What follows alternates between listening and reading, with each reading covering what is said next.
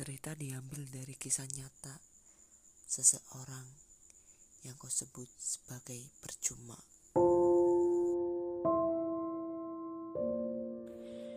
Jingga awal pagi, sembilu itu tergeletak, kian menyayat-nyayat.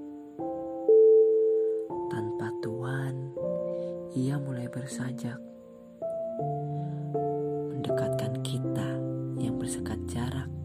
beratap harap. Perihal rindumu yang terseret di balik kata pengantar tanpa jeda ataupun pada air mata yang tumpah tanpa pamit pada sang tuan. Entahlah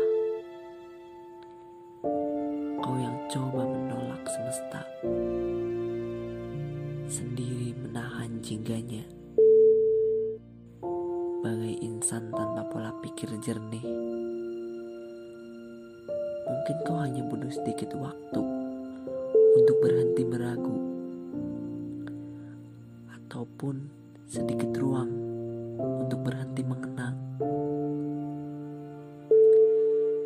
Setelah kau rasa cukup kau berhenti menutup.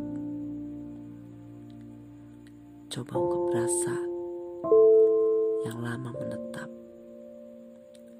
Pesan ini kau jadikan prasasti. Banyak hal yang berbeda. Begitupun hati. Semua hal tampak tak sama. Termasuk rasa kita.